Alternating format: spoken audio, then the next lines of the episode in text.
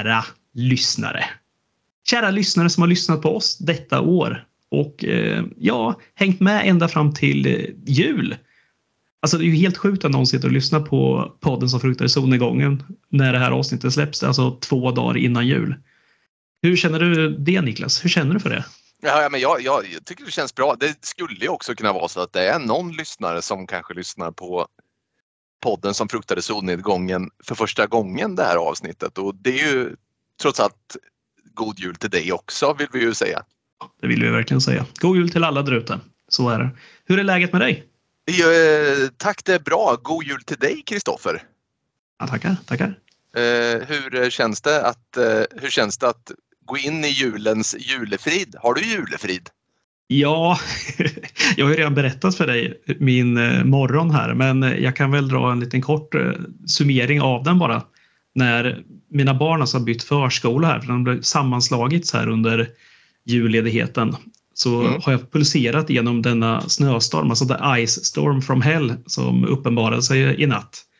Ehm, och det var jag, jag skrev kanske att det var en decimeter snö, men fan, det kändes som att det var en halv meter snö här utanför. Och min barnvagn gick sönder efter de här oplogade vägarna.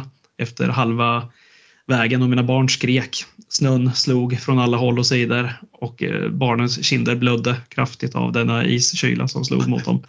Det, det var en hemsk morgon. Men sen kom jag in och vart glad. Hur mina barn mår vet jag ej. Jag tänker mig att du satt på alla fyra med en kofta och sen en yxa i handen som Jack Nicholson i uh, The Shining och uh, så fick man tina upp dig lagom till våren.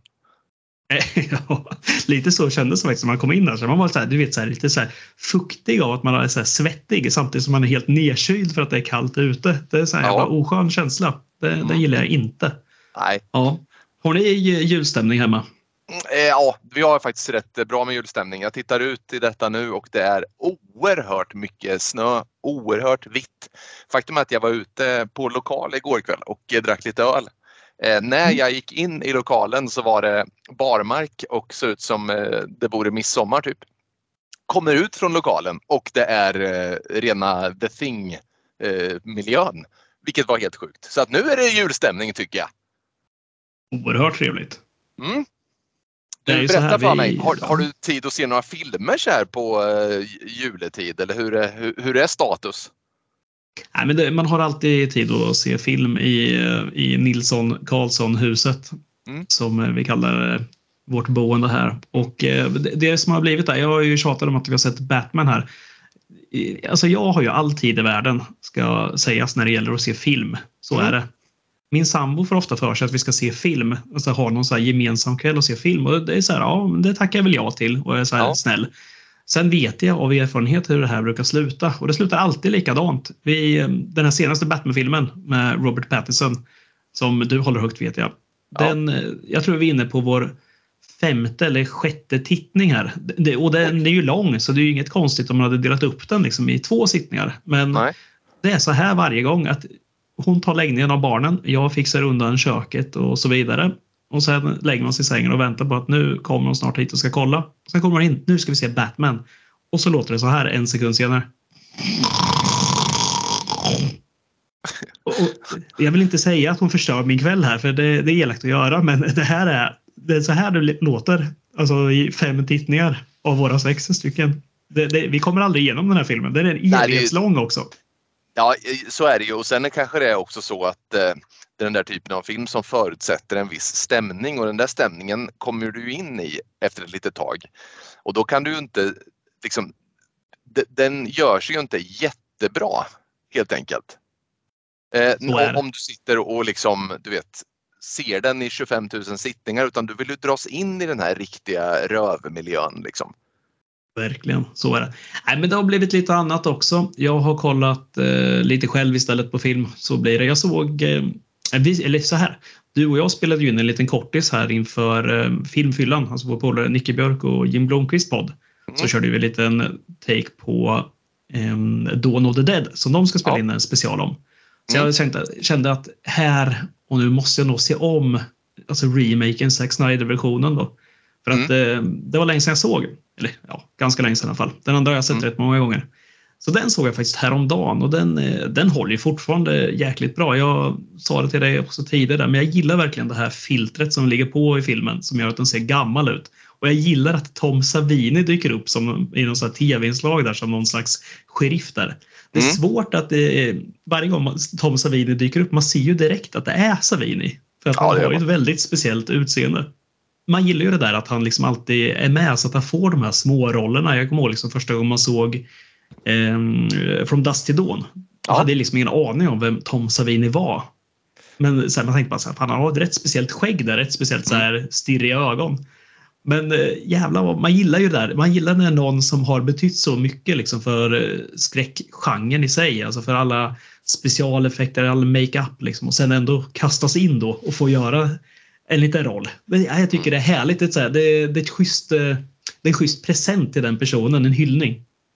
Det tycker jag också. Det är väl han som är den här inkastaren i From Dusk to Dawn va? Nej, han är ju den här sex machine som sitter inne sen på, inne på baren. Han som har den här lilla pickadollen i skrevet, du vet. Ja, Sex just det. Machine. Precis. Ja. Just det, Nej, men just. Han är ju härlig där. Det är även han Fred Williamson som är den här svarta stora killen som också är med. Mm. Som är också en sån här gammal hjälte från 70-tals, 80-tals actionfilmerna. Nej, jag gillar det där verkligen. Vad, eh, vad har du sett? Har du sett något kul? Eh, no, alltså, jag har faktiskt inte sett så mycket. Jag har däremot så scoutat rätt på några filmer som jag måste se som jag inte har sett och som jag förbannar mig själv för att jag inte har sett.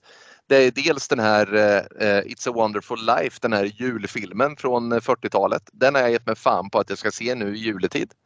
Eh, Cinema Paradiso har jag inte sett, den ska jag ge mig fan på att se här i juletid har jag tänkt. Den, den där typen utav, alltså nu är det ju Cinema Paradiso är väl en 80-talsrökare men det finns några sådär som är högt upp placerade på IMDBs topp 250-lista som jag hatar att jag inte har sett och som jag blir Sen är det så här, ja, eh, vår, återigen vår gemensamma vän Nicke Björk, han, är ju, han ger sparsmakade betyg till de här filmerna. Och varje gång, han och jag har känt varandra i, ja men det är snart 35 år. Varje gång han tycker att en film är dålig, då gör jag allt jag kan för att tycka att den är bra. Varje gång som han tycker en film är jättebra, då kämpar jag för att jag själv ska tycka att den är dålig. Jag älskar att på något sätt så har det blivit så att, att eh, vi, vi, är varandra, vi, vi, har så lika filmsmak i mångt och mycket. Men vi har blivit någon form han har blivit min nemesis i filmen. Jag, han har sårat mig så många gånger med filmer som jag älskar som han sen ger två av fem. Så att jag för evigt förbannar honom genom att eh, älska filmer han hatar och tvärtom. Det är ett upplägg jag har. det där är väldigt roligt för det finns ju ja. en, eh, vår vän där, Nicke Björk, han har ju en eh, en liten take också, en, en liten ett citat som ofta mm. kan dyka upp också när en film eh, inte kan förklaras på ett annat sätt. Ja. Än att, vad är, vad är det han säger för någonting här? Han säger jag tycker det är schysst. ja, det gör han. Och som en kul grej här så har jag faktiskt eh, tagit kontakt med Nicke Björk och bett han spela in det här också. Som jag kommer nu kasta in i varje avsnitt någon gång när jag känner att jag inte har någon, någon täckning för vad jag tycker. Och då kommer jag spela upp det här. Mycket till ditt stora förtret hoppas jag. Ja, och det där är ju faktiskt perfekt. Det är ju någonting du kan använda även utanför filmsammanhang. Så här. Du, du, du sitter och äter pizza, så här, ah, men det här var inget vidare, säger någon. Jag tycker det är schysst. Det betyder att pizzan var helt okej. Okay. Det finns inget att klaga på. Ja, men det är ju en perfekt kommentar ändå. Ja, så jag ska absolut. börja med den ofta. Det går inte att ja. försvara sig mot. Nej, men, du, men, men jag ska säga, det jag faktiskt har, det här är helt sjukt alltså. Det här är ju, nu, nu är man ju så nära liksom någon form av diagnos som man någonsin har varit. Men jag håller på att se om The Office. Det är alltså eh, den här serien som vi har pratat om 25 000 gånger i podden. Amerikanska mm. versionen av The Office eh, och jag har nu på ett par dagar bara sett eh, typ två säsonger. Eh, det är så jävla bra. Faktum är att det är så bra. Jag säger det igen nu, jag har redan sagt det en gång. Det är så bra att det finns ingen serie som någonsin sedan tidens begynnelse har varit i närheten av den. Ja, den är ruskig alltså. Den är ruskigt bra framför allt. Mm. Det roliga i det här är ju också att eh, under tiden när du började kolla på The mm. Office skulle jag säga att det var ungefär då jag började säga till dig att eh, har du sett filmen Revenant med Leonardo DiCaprio? Och du sa nej. Sen har du nu kommit in på din fjärde varvning av The Office ja. och helt ignorerat detta. Det är väldigt kul. Ja, det är, det är faktiskt så. Och, jag lägger mycket av min tid på tillbaka i tiden när jag tipsade dig om just The Revenant. Och nu är det inte ja. så att The Revenant är världens bästa film på något sätt. Det vill jag att ingen ska tro här. Men det, det är en bra milstolpe i ditt och min vänskap här när jag tipsade dig om The Revenant. Och efter det har jag börjat räkna dagar, veckor, månader, år.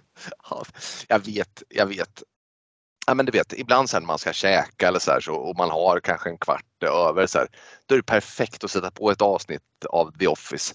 Och det känns som att jag har liksom sett om flera av avsnitten. Så här, eh, du vet, lite så här, hoppa från säsong till säsong lite bara. Men eh, jag bestämde mig häromdagen för att det är så jävla roligt. Det är omöjligt att göra på det här sättet. Alla avsnitt håller så jäkla hög klass. Det var lika bra att sätta, om, eh, sätta på skiten från början igen helt enkelt. Så är det. Det är också det. Jag håller ju med dig. Det är ju den roligaste serie antagligen som någonsin har gjorts. Så det är perfekt ja. längd på avsnitten. Det, det, finns ju saker som vi kan älta hur många gånger som helst i den här podden. Jag tror att det är vår kärlek till just amerikanska The Office kommer Aha. alltid förena oss väldigt bra här och det går ja. inte att sluta tjata om det. Nej, det är så och, och grejen är att jag vill, jag vill, också bara säga så här för att jag, jag, förstår, jag vet, jag är själv likadan. Men om det finns någon där ute som inte har sett det eh, amerikanska The Office och blir skrämd av antalet säsonger. Jag är likadan, jag blir också skrämd av många säsonger när det gäller serier för jag vet att det kommer balla ur. Men lita på oss här nu. Det är värt varenda investerad minut. Se skiten och frodas. För det är ju inte bara askul utan det är ju också rent dramaturgiskt den här kärlekshistorien mellan Jim och Pam som är så fin. Och, och liksom Michael Scott när han blixtrar till och det blir lite allvar då och då. Det är fint. Den, den, är, den, är, den är underbar den här serien. Det är den verkligen. Du, eh, vi skulle egentligen haft en, eh, vi skulle ju göra någon slags tradition av det här med julklappsutbyte där, men eh, båda har väl varit lite stressade här misstänker jag och vi liksom inte riktigt fått till det. Vi enades om att vi skulle ha en flaska vin till varandra istället ja. som julklapp. Ja. Så jag sitter faktiskt just nu och tittar på en flaska. Här. Du fick en liten bild på den igår här, men det är alltså en eget från vårt egna bryggeri här, podden som fruktades under gången, alltså med en fin utgåva av en JP Schnopin. En ja. 83,7 eh, procent i variant här. En eh, Chateau Blanc. Oj, oj, oj. Låter mer som eh, strårom. Jag, jag, jag har ingen aning om vad jag säger. Jag använder min franska, min hittepå-franska. Ja, låta ja. vinkunnig. Ja, eh, jag misstänker att också kommentaren när du dricker den kanske är Nej, jag tycker att den är schysst. ja, ja, den där jäkeln ska jag dricka. Jag ska ju returnera den här presenten såklart. Men som sagt, vårt bryggeri, eh, podden som fruktade nykterheten är ju är ju ett bryggeri som faktiskt har anor ner till, eh, till eh, franska västkusten är det väl va? Ja, det, det måste vara. Väst i Frankrike. Nej, jag vet inte. Men vilket bra poddnamn för övrigt. Podden som fruktade nykterheten. Ja. Det är ju otroligt om man hade haft någon så här ölpodd eller vinpodd. Ta ja. patent på den. Ja, den direkt här. Ingen, ge fan i det namnet, det är vårat. Ja, just det. det, så är det. precis. Hitta på ett eget namn. Ja, så är det. Jaha, men du. Eh, vi, I juletid, vi kunde ju inte hålla oss så att vi inser också att vi måste köra en julfilm. Det finns mm. inte jättemånga att välja på där. Alltså, eller det finns ganska många, men det finns väldigt många så uppenbara som alla redan har sett 10 000 gånger. Vi hade kunnat välja Gremlins hade ju givetvis varit ett alternativ, men alla har ju sett Gremlins tusen gånger. Och den är inte superläskig heller på något sätt. Det är ju Nej. knappt som man räknar en sån skräckfilm. Nej, så är det. Det finns ju flera. Jag vet inte, det är inte heller någon så här jätteskräckfilm, men det finns ju den här filmen Krampus som jag faktiskt tycker är riktigt bra. Men den är ju lite som Gremlins i tonen. Men vi, mm. vi landar längre bakåt i tiden här. Ja, 1984 för att vara ja, samma exakt. år som Gremlins då. Mm. Mm. Och den här är ju en sån där som har eh, gått under radarn tror jag för många. Sen finns ju jättemånga, säkert många som lyssnar här med hallå så kommer det säga den där har vi sett 10 000 gånger. Men eh, jag hade faktiskt aldrig sett den här. Hade du sett Silent Night, Deadly Night? Det hade jag inte gjort. Och då är man ju ändå lite så här förtjust i slasher-genren men eh, jag är inte mer högtravande att jag kan bekänna att eh, jag har sett långt ifrån allt i den här genren. Så att det var något nytt för mig. Men du, den här regissören då, känner du igen något från honom? Jag, jag har aldrig ens hört namnet. Charles E. Sellier Jr.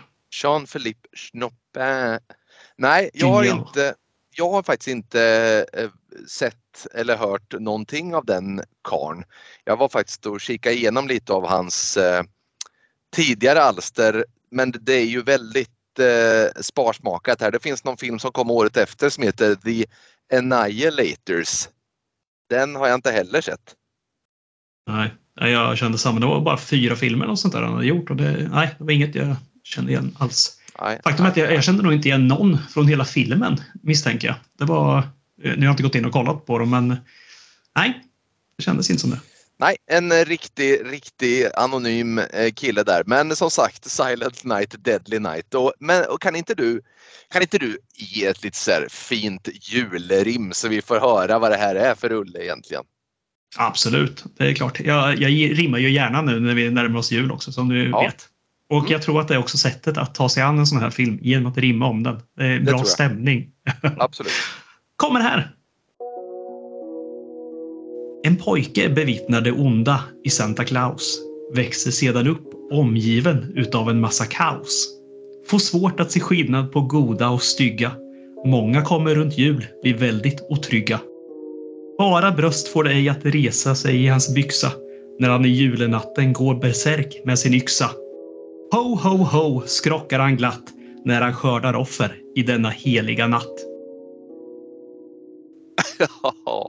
Det är så dant. Och det är ju det är ju också spännande att du och mer börjar gå mot att bli en snuskgubbe. Är det att du närmar dig 40 så här som gör att du sitter och skrockar i din gungstol hemma och, och, och, och vältrar dig i, i sånt här? ja, ja, ja, det är det säkert. Nej, ja. men vet du, vad, vet du vad jag tror att det grundar sig lite i? Det är ju att den här podden är ju en sån här podd som eh, den eh, den är lite spretig då och då mm. och den får lite nya idéer som kanske de här idéerna de eh, det är inget som sitter och, man sitter och spånar på i en halv evighet heller utan vi, vi kommer på en idé och sen kör vi på den ofta. Ja. Ja. Eh, och det är lite så det får vara. Och nu har ju vi kommit fram till här, vi har inte meddelat er lyssnare om det, men vi har väl bestämt lite att vi kör lite äldre filmer, lite mer såna här ja, men, bortglömda, kanske såna här äldre 70-80-talsfilmer som mm. Eh, har gått lite under radarn. Det är roligare för alla tror jag också. Och det passar ju otroligt bra till vårt tugg. Och framförallt så har de här filmerna någonting gemensamt. Det är att de har väldigt mycket tuttar. Och det blir också därför att man känner sig lite gubbsjuk när man skriver, skriver ett rim. För att det måste nämnas. Ja, ja men så är det ju. Men, men sen är det precis som du säger här. Ja, nu har vi ju för sig avhandlat en hel del seriösa skräckfilmer och vi ska väl inte helt stänga dörren till den liksom nischen. Men, men som sagt var, jag, jag tror på de här eh, slasherfilmerna eller äldre filmerna och sen så då och då när det kommer en film som är eh, går upp på bio eller något som känns angelägen så är det klart att vi ska avhandla den också. Ja, självklart. Det kommer ju vara en vanlig blandning, eller en bra blandning såklart. Det, så ska det vara. Men eh, mycket kommer vara lite äldre och det, det är roligt. Ska vi göra så här att vi kastar oss in i denna julefilm mm, och eh, börjar kanske lite med att gå igenom våra karaktärer. Alltså vi är ju i Utah. Det kanske räcker att vi nämner att det är där vi är i alla fall.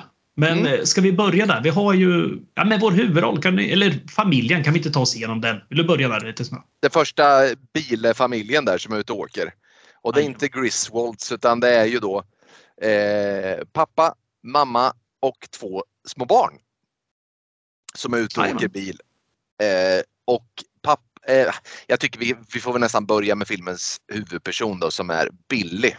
Lille Billy som är en, hur gammal är han där? Han har ju en lillebror som är bebis. Men Billy, vad kan han vara? Sex kanske eller?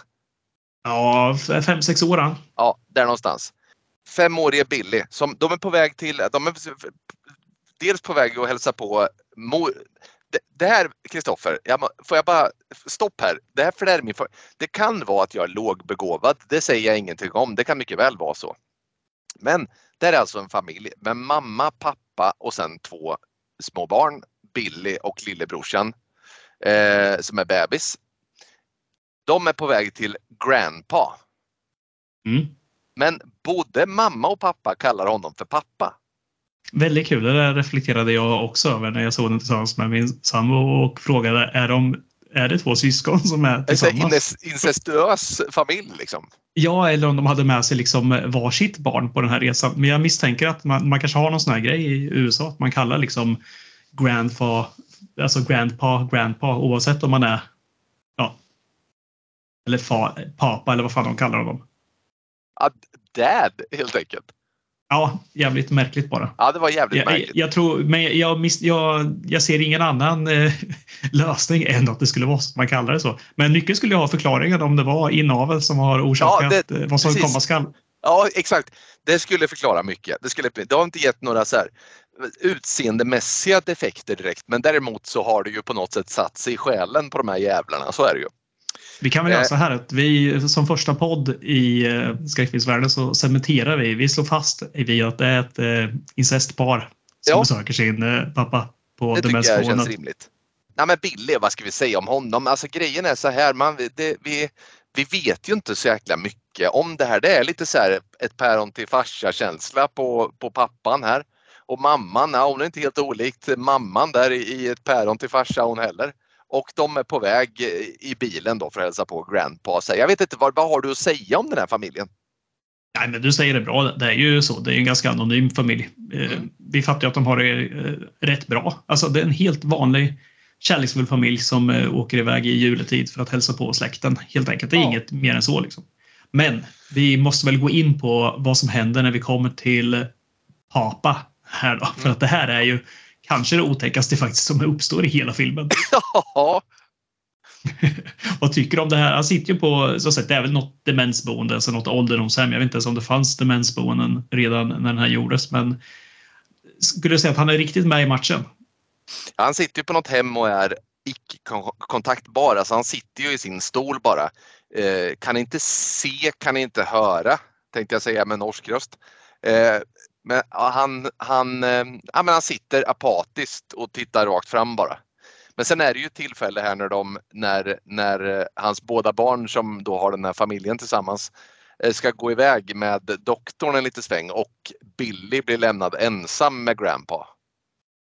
Då lever han upp, den ja. gode Grandpa. Eller gode säger jag. Som, han får ju något så här riktigt jäkla Ja, det är något som flyger, nu fan flyger i honom där och börjar ja, liksom berätta en, en riktigt hemsk historia om hur tomten egentligen är där. Han ja, säljer ju inte in tomten som det finaste som finns här. Utan, eh, nej, det, nej den gode Billy får sig en rejäl uppläxning om hur den här tomten är. Vad säger han? Nej, men han säger, jag frågar liksom om han har varit snäll där. Har du varit snäll i år Billy? Ja, för om du inte varit det, då jävlar vet du, då kommer tomten och han gör slarvsylt av dig. Ungefär så. Precis, de säljer in tomten som allt annat än snäll i den här filmen. Alltså tomten eh, ger presenter till de som varit snälla och de som inte varit snälla. Det är inte så att de blir utan presenter utan de åker på det. Ja, de blir punishade. Mm. Så, utan bara den. Tomten mm. är ju någon slags punisher i den här filmen. Det är ju ja, det som är grejen. Och det, ja det, det, där kommer ju gå som en röd tråd genom hela den här filmen, det här med punishment. För det är ju vad det hela går ut på. Nej, men det, det. där är ju otäckt för att så fort han är klar, han spänner ju blicken i, i Billy direkt där. Riktigt mm. sån här gubb stirrblick också. Mm. Och sen när, när han väl har berättat klart där, då återgår han liksom in i sin dvala igen. Sitter där som ett kolli och bara ja. Och så kommer föräldrarna tillbaks och han, de fattar ju inte att något har hänt där. För han, Nej. Ja, han sitter ju bara där. Ja, jag tycker det, det där är för jävla otäckt alltså. Jag tyckte det var ja. så oh, jävla ja. otäckt. Han har ju ett så här läskigt utseende också den här Dad. Ja. Ser ut som en så här riktigt gammal så här, rutten farbror som, ja. Och, men grejen är ju också att man undrar ju vad han håller på med. För att uppenbarligen så är han ju, jag vet inte om han lever upp eller om det är så att han sitter och fejkar för att få benefits i livet. Jag vet inte vad han gör riktigt. Men uppenbarligen så är det någonting han maskerar för läkarkåren då. Ja, någonting är det där i alla fall. Mm. Ja, så här sås det ju redan ett frö där om hur elak denna ja, tomte är. Mm. Och det, det där kommer ju inte bli bättre för att vi, vi får nästan gå in och bara ta den scenen också direkt så att vi ja. vet vad vi har att jobba med. För att yeah. på vägen hem, om det inte vore nog, så sker det ju en stor tragedi. Precis, då har vi ju redan fått se en tomte eh, som rånar en butik och skjuter kassören där med, med sin pistol. Och den här tomten står längs vägen med sin till synes trasiga bil.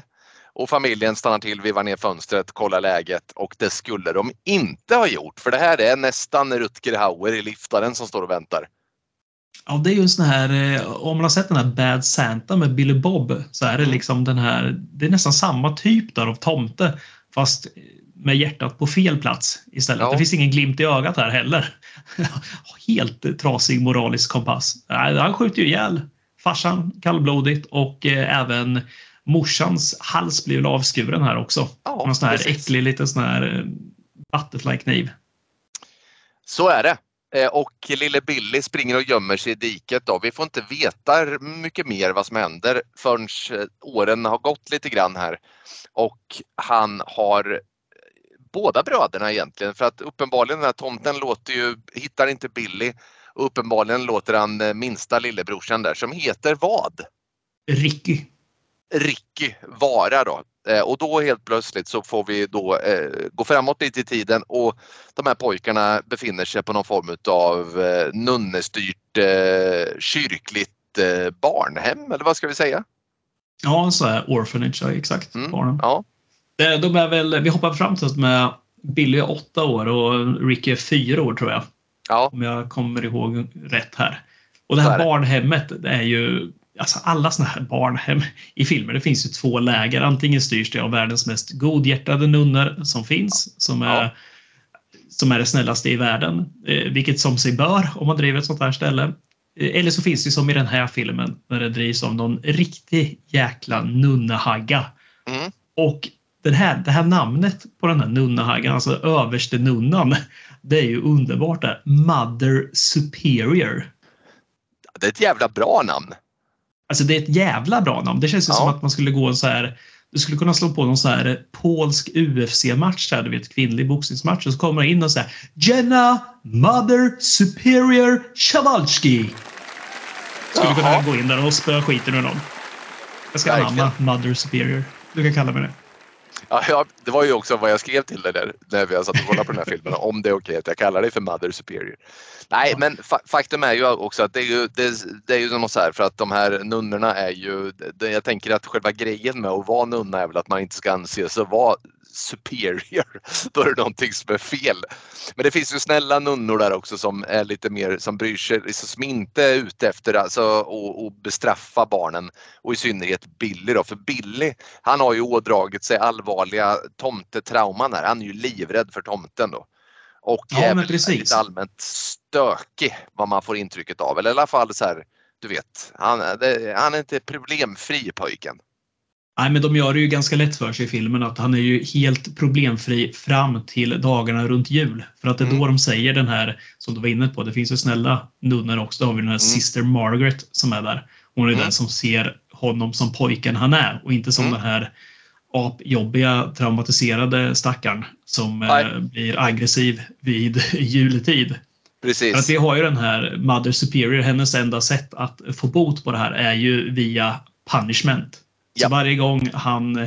Och hon har ju väldigt hård tro på att allting ska ske på hennes sätt och vis. Mm. Så att vill inte Billy göra, sitta i tomtens knä, nej, då blir det smisk på bara rumpan med bältet. Och vaknar han i natten skrikandes, ja, då ska han bältas fast på bästa så här mentalsjukhus-maner. Mm. Ganska obehagligt det där. Alltså just så här, när det är barn som far illa sådär, det fan gör alltid ont tycker jag. Ja, ja det är väldigt ja, brutalt. Det, det, det är tråkigt. Nej, hon är en riktig jävla bitch den där Mother Superior. Det, ja. Som om det inte vore nog också så, här, så, så vet du, du har du, pojkens enda trauma han har. Så här, han är rädd för tomten.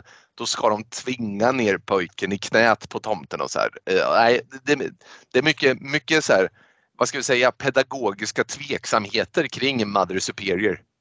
Ja, ja, verkligen.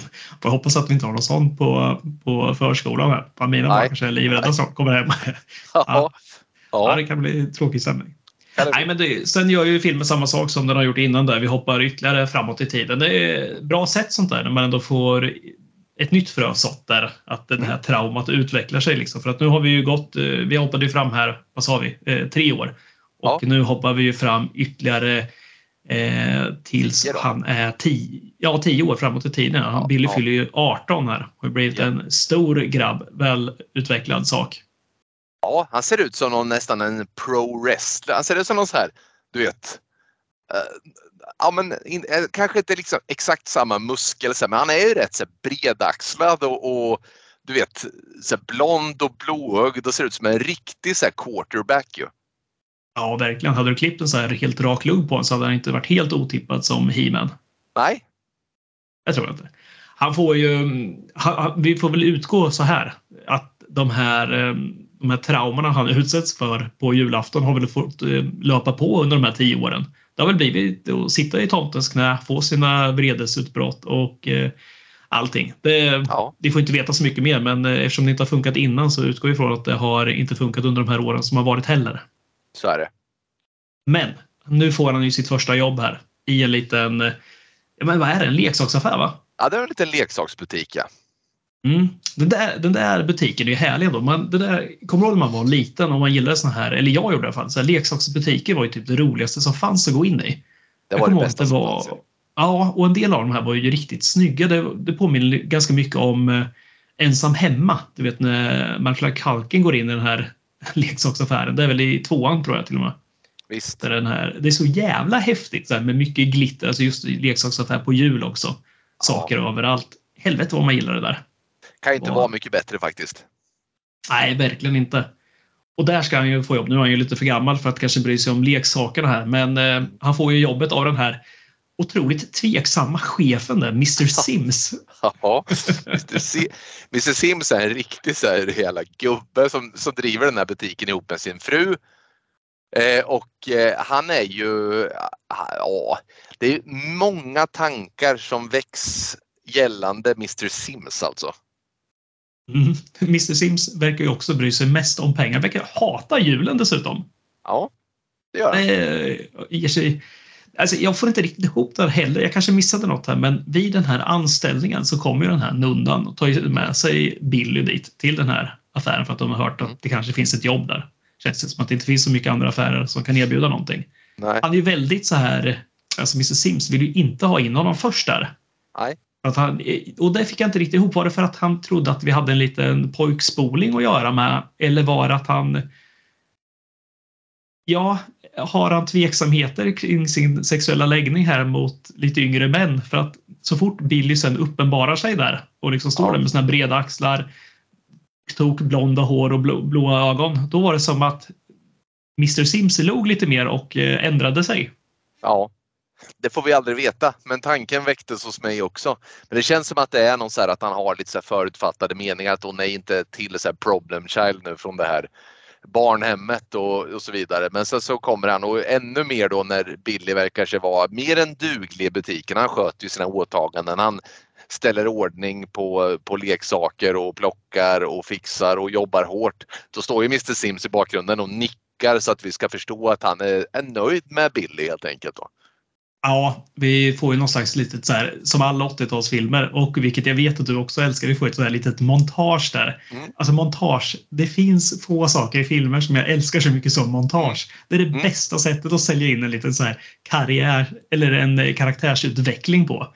Jag tycker att det är fantastiskt påfund. Det är så härligt, så här, någon liten fjantig låt och så ser vi att Billy går omkring där, lyfter tunga eh, så här lådor inne på lagret där. Mm. Sitter och så här, tackar nej till alkohol på lunchen och visar upp att han sitter och dricker ett mjölkpaket istället. Vi får liksom ja, den killen där. Så ser vi att han står och så här flörtar lite med den här ja, med butiksbiträdet där som verkar vara ungefär ja. samma ålder. Men hela den här montaget som kanske är två minuter långt. Liksom, vi får verkligen insålt vilken helylle kille Billy är. Precis. Billy är fan employee of the year han hjälper små barn upp till hyllan och sen och barnet blir så lyckligt så hon pussar honom på kinden. Så allt är så jävla bra. Ja, verkligen. Men, ja. men, men, julen närmar sig. Ja. Han har ju den här lagerchefen där också. Lagerchefen ja. har ju tagit på sig någon slags större kostym där de tycker att han äger stället, mer eller mindre. Ja. Även sitter och super konstant också. Ganska härligt så här, sitter och dricker JB whisky till sin mm. lunch känns otroligt fattigt men en sån här riktig snuskburk matlåda och sen en, en kvarting JB.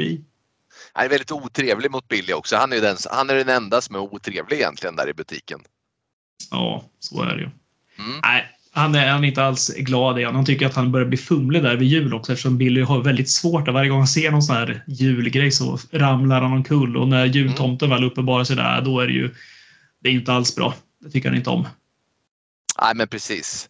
Eh, nej, men, men så där är det ju och eh, nej, men och, så här är det ju. Mr Sims får, de får ju en förfrågan i butiken om att någon måste vara tomte.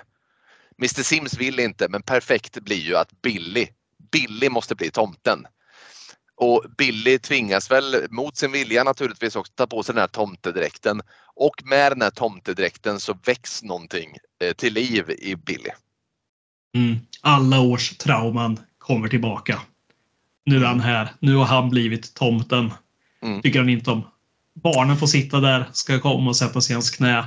Och de, eh, liksom han, ingen trivs i den där rollen riktigt. Nej, så är det ju. Han, han mer eller mindre säger åt dem att hålla käft och undrar vad fan är problemet? Varför är ni inte glada i mitt knä? Och så vidare. Ja, ja, Men alla tycker att Billy gör ett så himla bra jobb. Ja, ja, precis. För de hör ju inte vad han säger till barnen. De märker ju bara att barnen motvilligt sätter sig så här och sen så liksom blir de ju stilla. Men det är ju för att Billy hotar dem till livet mer eller mindre. Liksom. Det hör inte de vuxna utan de tycker bara att han är så jävla bra. Ja. Och det där stackars Billy får genomlida hela den där sittningen, gör sitt eh, livs sämsta eh, prestation som tomte. Första och sista misstänker jag.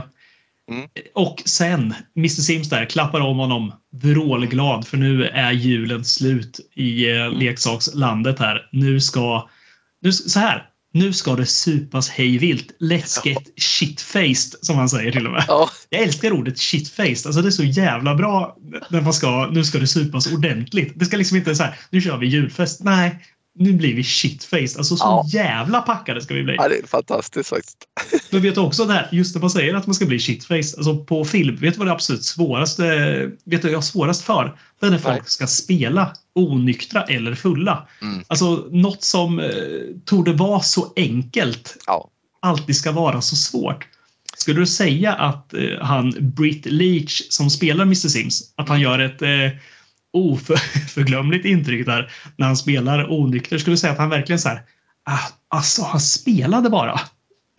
han är ja, oduglig här. Som för... ja, men grejen är ju den att då, alltså alla som ska, det verkar vara oerhört svårt att spela full på film. Alla spelar ju över, alltså om man är så packad som han utger sig för att vara i den här rollen, alltså då är man ju färdig. Alltså det är ett jävla under att karln kan stå upp. Han är så jävla full och ändå så, här så fungerar han hyfsat normalt. Fan, det, det, det, ja, det är svagt, väldigt svagt skådespeleri. Ja, där. just det här grejen att eh, han står och sjunger julsånger ena sekunden och sen nästa mm. sekund så håller han på att ramla ihop. Jag brukar skratta ibland. Du berättade någon gång att du blev så packad så att du tappade synen nästan. Och, och det, är så här, det har man själv gjort eh, ett antal gånger också. Alltså, inte kanske just tappat synen, men man har ju tappat allt annat. och eh, det, det är, då är man ju vrålpackad. Mm. Men eh, nej, Mr Sims är kanske inte riktigt där ännu. Men nej, det, jävlar när han kör igång den här festen. Och det liksom bara flödar upp med alkohol, allting. Det blir julstämning där. De är ju bara fyra pers då ungefär. Det är ju ja. ganska, det är Billy, det är Mr Sims, där den här andra, eh, jag vet, heter hon Pamela tror jag va? Som, eh, som finns där inne också, som är hans, den här som man tittar lite på. Och så har vi den här äldre damen där som är någon slags, eh, ja, Mr Sims högra hand som tar hand om. Den högra handen och Mr Sims då står bara och dricker i kapp ungefär. För det enda man gör på den här julfesten. Man står också ja. vid, vid, ett bord bara. Och dricker. De står rakt upp och ner ja. Ja, det är liksom ingen musik på eller så här, käk. Kanske det finns någon liten halväten macka där. Annars är det en ganska tafflig julfest. Det går mest ut på att bli shitfaced. Ja, ja precis. Men den här lagerchefen, han har ju lagt vantarna på den här tjejen som Billy haft ögonen på. Mm. Han drar ju med henne in på, ja, men på lagret där. Och, och, och där blir det väl inte riktigt... Eh, ja, men så här. Han eh, försöker ju... Han hittar väl både första och andra bas där och försöker eh, gå till tredje också, men har, han stöter på lite problem med samtycket där. Mm. Eh, ja, det gör han. Det blir ett jävla liv och, och, och, och han, det här är ju en fullfjädrad eh, våldtäkt som, som håller på att ske. Ja, ja verkligen. Och, och, men, men, men här någonstans så dyker Billy, och vet du vad, det slår mig nu. Alltså, Billy är väldigt lik, det fanns en så här eh, boxare som jag tror att han dog i aids om jag ska vara ärlig. Som hette Tommy Morrison som, som var, ja det här är väl sent 80-tal, 90-tal som han var bra. Han är väldigt lik Tommy Morrison helt enkelt. Eh, nästan så, så att jag trodde att det var Tommy Morrison men han är också med i Rocky 5 du vet. Ja, jag tänkte säga det. Tommy Gunn. Ja, är det han ja, som är precis. Ja, det är han. Jag tycker mm. de är mm. väldigt lika. Ja, eh, men han kommer ju här Tommy, eh, höll jag på att säga, Billy och, och, och, och tar ju tur med det här.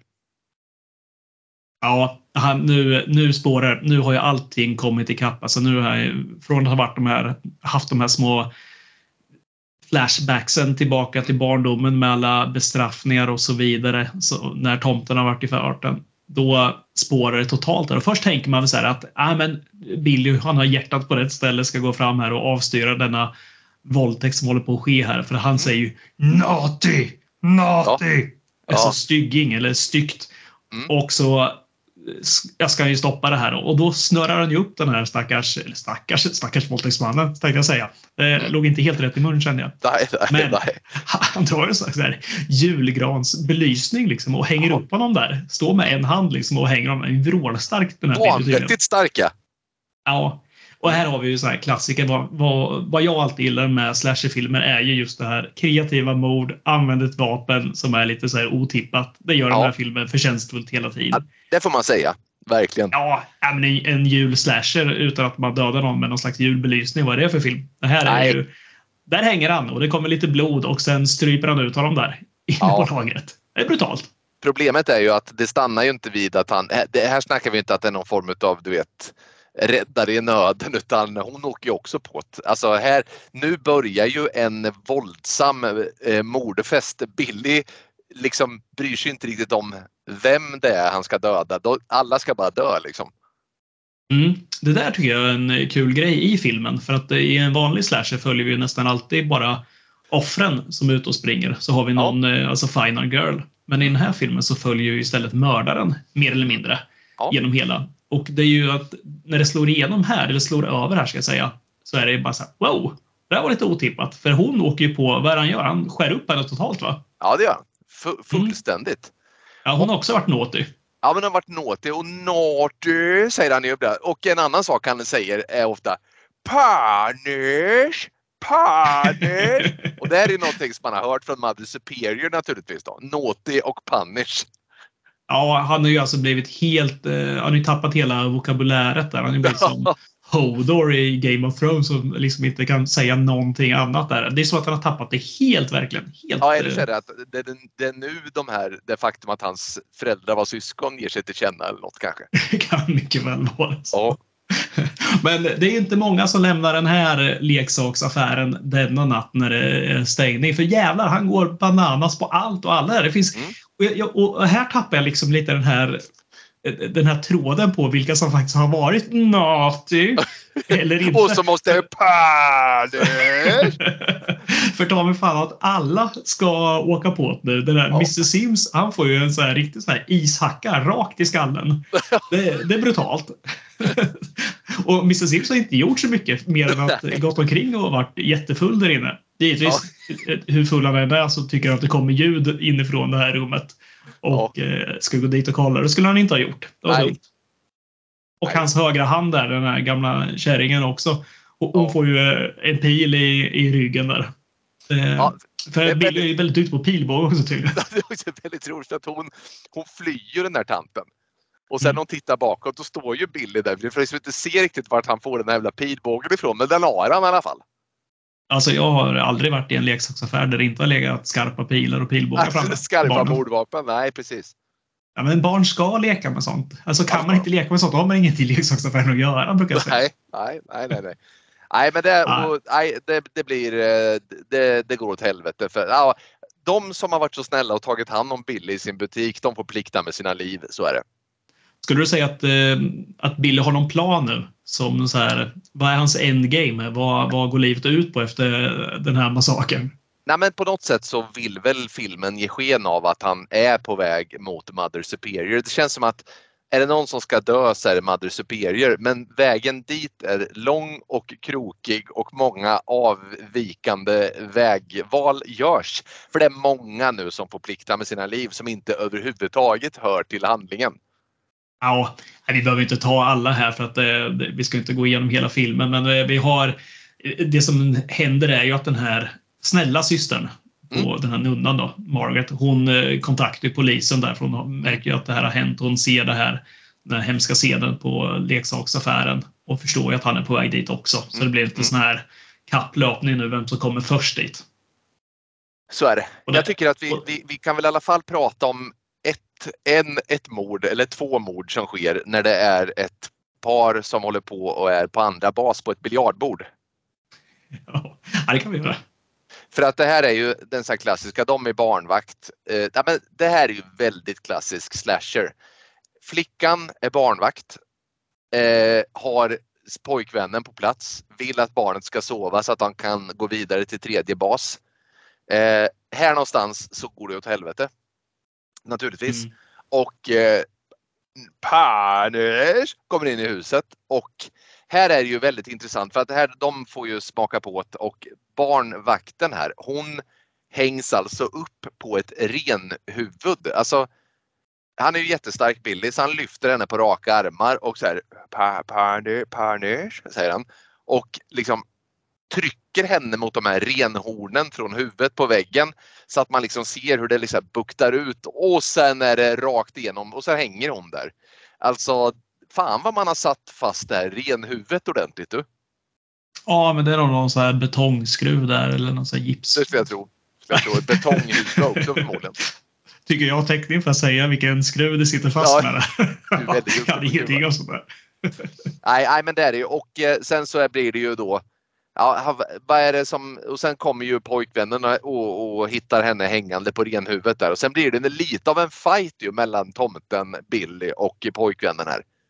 Ja, men den blir inte vidare spännande. Han kastar ut honom genom hela glasrutan där. Han blir ordentligt jävla sargad av den där. Ja, det blir han. Det är så stora, ja. stora jäkla glasskärvor som bara går rakt igenom magen på. Alltså det är ja, så jävla nej. brutalt. Ja, det är, det är väldigt kul. Det är väldigt kul. Eh, det, det, blir, det, är, det är liksom, ja men tonen är ju sådan att det är svårt att ta den på allvar. Men ja, verkligen. Jag, jag tycker att vi, vi måste, eller har du någon så här, vad säger så här då? På hans väg till Mother Superior, för det är dit han är på väg, barnhemmet. Är det någonstans mer du vill stanna här på vägen?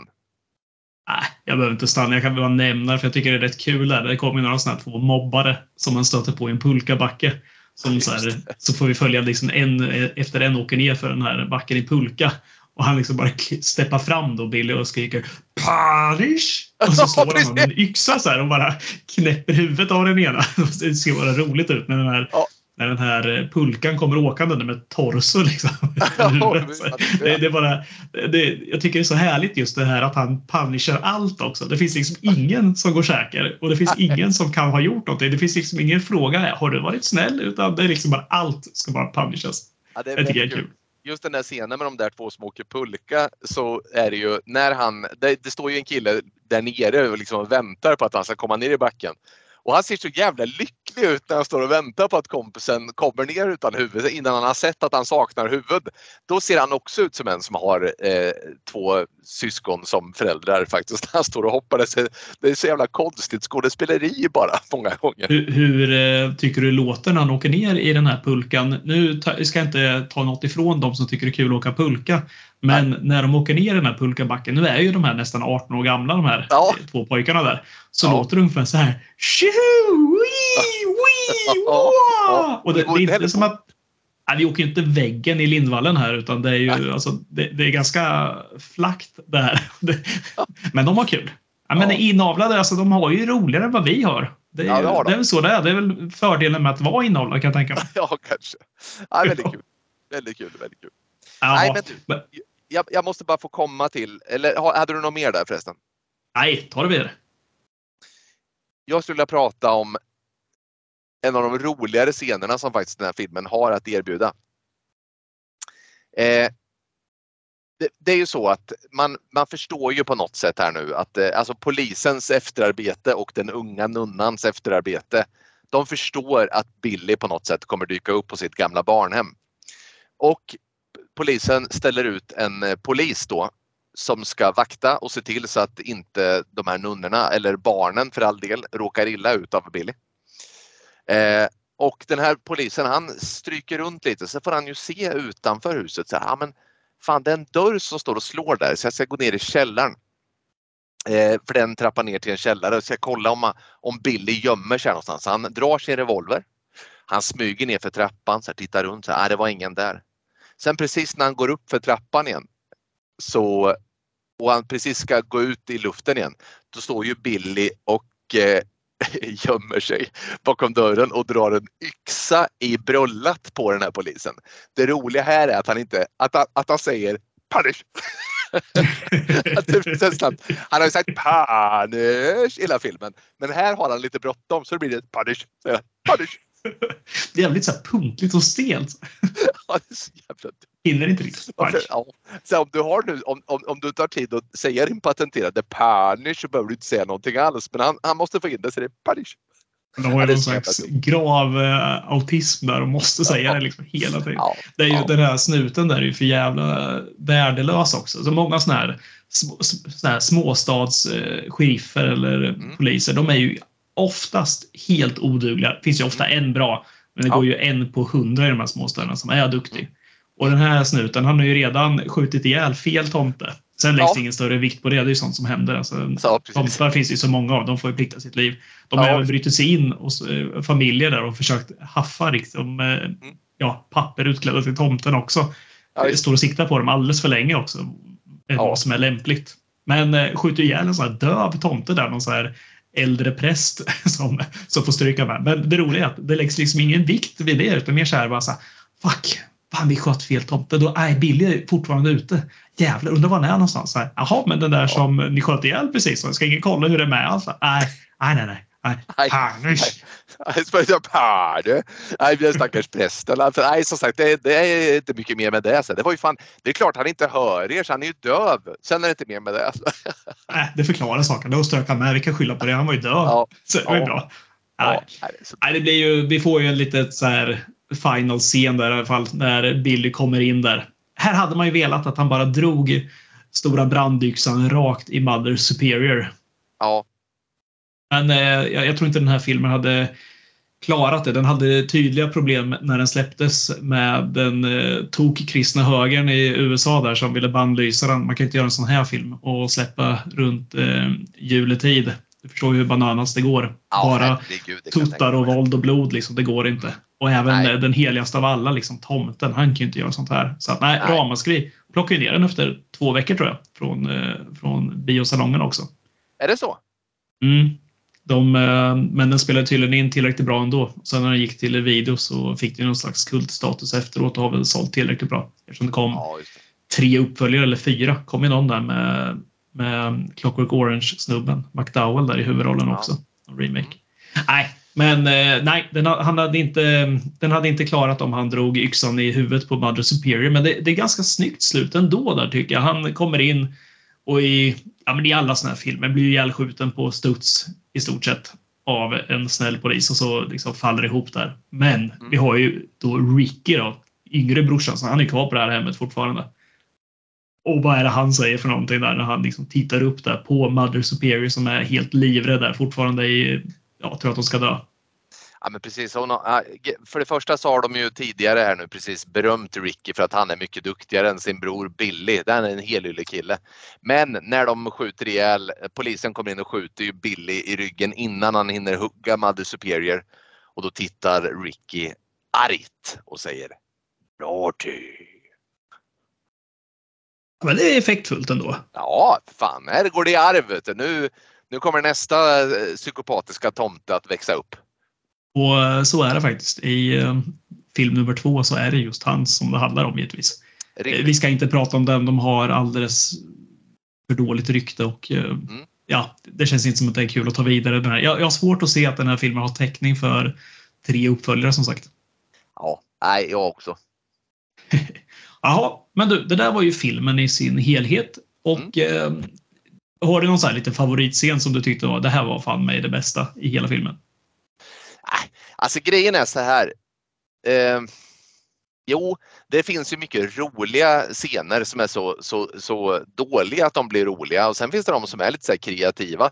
Jag har, det finns en scen i början, det är ingen favorit, men det är bara så här som man reagerar på vad det här är för typ av film. Alltså när den här familjen med Billy när han är liten och familjen kommer åkande i bilen där precis i början av filmen. Då får man ju, när de kommer på, på landsvägen så här, så ser man att då står ju kameran så och filmar bilen så att bilen åker över och byter fil eh, för att man inte ska köra på kameragubbarna. Så här. Det är så tydligt också att ja, men det här är nog en film då som inte, det här är ju ingen A-produktion liksom utan det känns som att man kör lite på uppstuds så där. Så det är bara en så här rolig första take på hur, vilken ton den här filmen kommer ha och att det inte är en A-film. Det tycker jag man visar direkt där. Eh. Mm. Men jag, jag, jag, har, jag, jag, tycker ändå, det var när jag stannade, jag tycker att den där, du vet när de är, när de är på biljardbordet, där unga paret och barn, barnen ska sova. Eh, jag, jag, gillar den där scenen när, när de hör någonting och så kommer Parnish in och så slåss hon med killen och hänger upp henne på renhornet och så här. Jag tycker att då är den eh, en lekfull och härlig slasherfilm. Så att det, det är eh, nog min favoritscen faktiskt. Vilken är din? Jag, tror vi, jag tror den jag tycker är bäst är väl den här när vi har Dad, alltså syskonens Dad på, på demensboendet när han liksom vaknar till liv där. För han är genuint otäck. Då, då är filmen fortfarande otäck innan man liksom har kommit in. Det här, jag tycker inte det här är någon otäck film i sig alls. Inte för att eh, den inte har åldrats väl, utan den har inte en ton som gör den otäck någonstans. Men just den där biten är lite otäck. Mm. Eh, men den har vi redan pratat om, så jag tänkte jag skulle ta någonting annat där. Men jag, vet inte om jag hittar någon scen i sig som jag tycker är så här, som sticker ut. Jag tycker nog hela liksom själva berättandet istället är det som är bra i den, som gör den lite unik där. Och det är hela det här med att vi följer liksom mördaren istället. Jag kan inte komma upp att vi har gjort det i någon annan slasherfilm innan den här. Det har vi säkert gjort, som jag bara missar nu. Men inte på samma sätt i alla fall som det här. Och att vi ändå har en en mördare som är i grunden oskyldig. Liksom. Han har ju inte gjort någonting innan utan han har ju bara blivit sån här för att han har blivit utsatt för det här eller för det här inavla, inavlet då. Vad vet jag. Men han är inte insådd som att han är liksom helt, eh, ja, som att han är en, en ont barn från början. Och det tycker jag filmen gör väldigt roligt. Att den liksom följer den biten och att det tar lite såna här vändningar också hela tiden. Att han liksom, äh, men, eh, hade den här filmen gjorts idag, då tror jag att den här snubben. Vi hade sett eh, att han hade blivit betydligt mer psykiskt misshandlad under barndomen. Det hade varit mycket mer fokus på den biten. Och sen någon, så här, någon trigger istället. Den här triggern, jag köper inte riktigt det. Jag tycker det blir lite för enkelt. Men det är charmigt. Men jag tror också att vi hade haft en, en tomtemördare som bara straffade folk som bedrev otukt eller var liksom onda på riktigt. Mm. Här, han skiter ju fullständigt i vem han har ihjäl här. Och det tycker ja. jag är väldigt kul. Det blir liksom så här, ja men jävlar vad oväntat. Det, det såg jag faktiskt inte komma ut. Jag trodde verkligen det här, nej, han ska bara straffa allt och alla. Och precis som du sa, han kommer att gå in och hugga ihjäl Mother Superior här och antagligen lyckas med det också. Mm. Så att, nej, men den biten tycker jag är schysst. Sen kan man ju fråga sig, den här tomten som är den elaka tomten i början som ger honom hans trauma där trodde man ju att den skulle få någon mer funktion för filmen men han är ju inte med mer sen. Nej, han eh, skits det fullständigt i. ja. Men det är väl också charmigt att det är liksom så att eh, allt som sticker ut är ju roligt. Alltså, ja. Det händer något ja. nytt som man inte är med på. Det, det är många filmer som inte går den vägen. Så är det. Vad ger du för lite, betyg? Ja, men vi ska väl ha ett betyg också. Det är... Ja, svårt. Alltså, men jag, jag, jag hade inte tråkigt.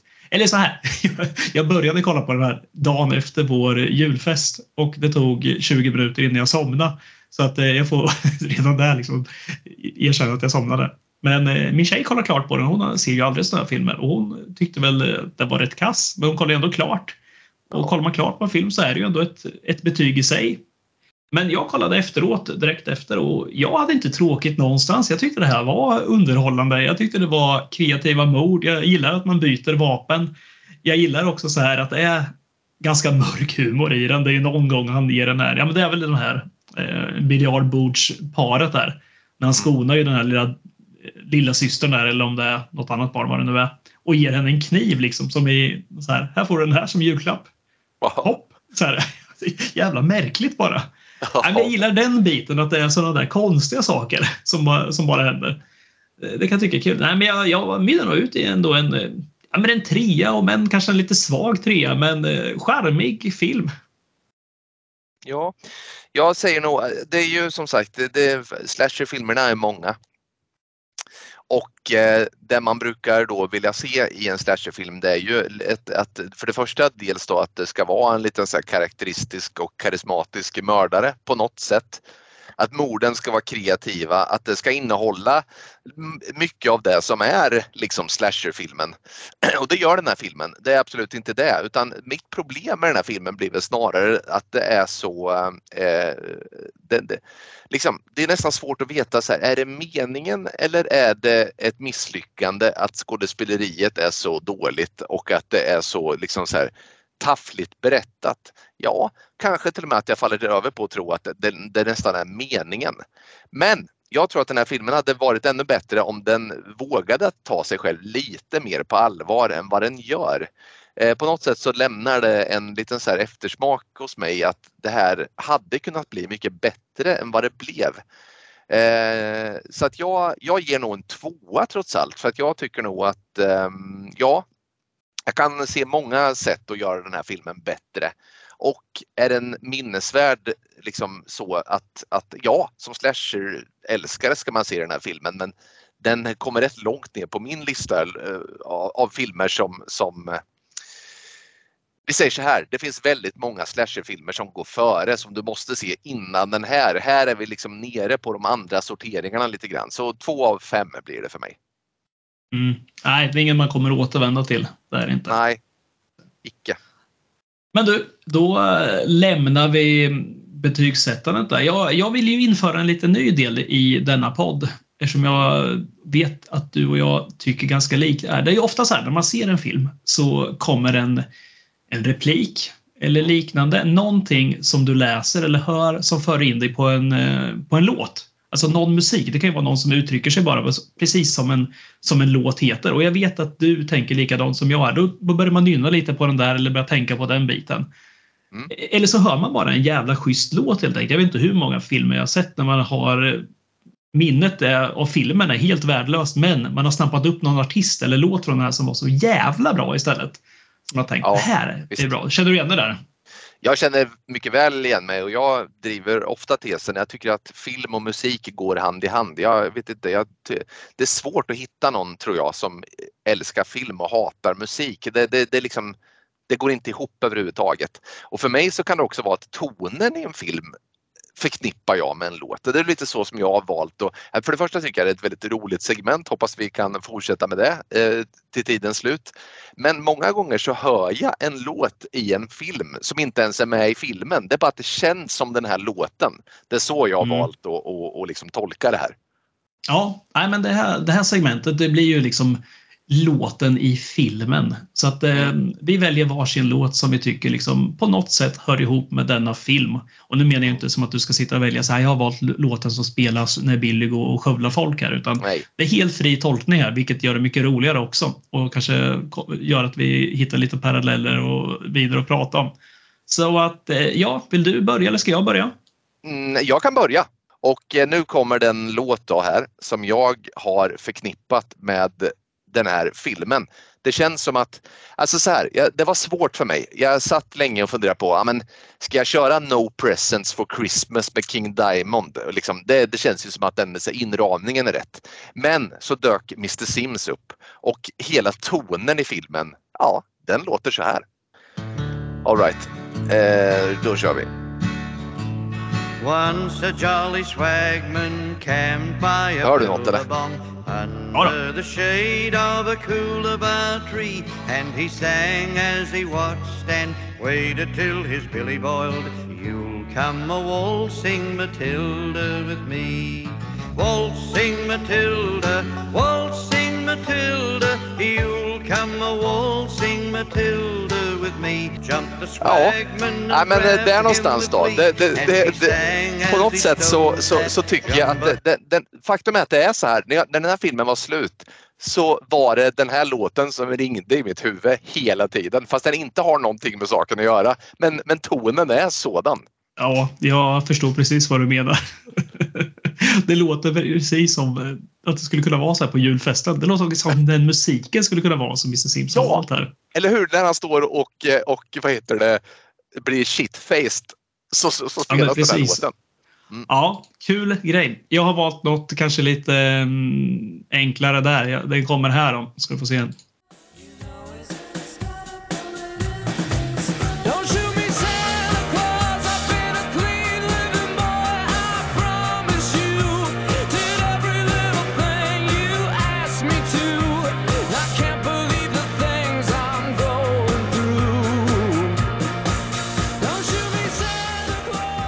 Och det var alltså The Killers med Don't Shoot Me Santa. Den tycker jag passar för jävla bra här.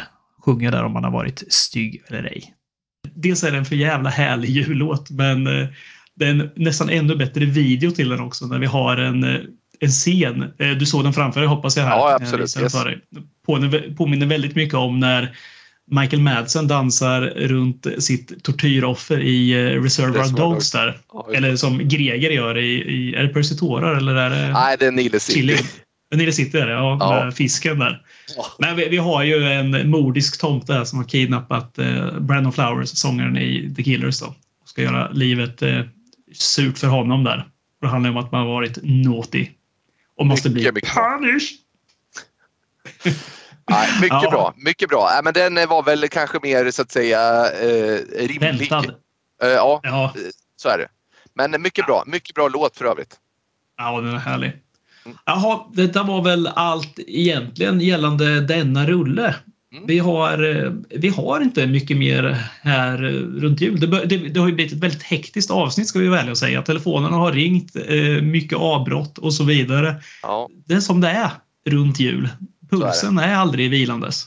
Men eh, du Kristoffer. Återigen ja. god jul till dig och din familj. God jul till er lyssnare. Och eh, vi önskar eh, god fortsättning också på det nya året när det kommer. Och eh, vi är alltså podden som fruktade solnedgången, podden som pratar skräckfilm i allmänhet. Nej, fan också. Vi är alltså podden som fruktade solnedgången podden som pratar film i allmänhet och skräckfilm i synnerhet. Vi är också podden som försvinner och vi ses i nattens mörker.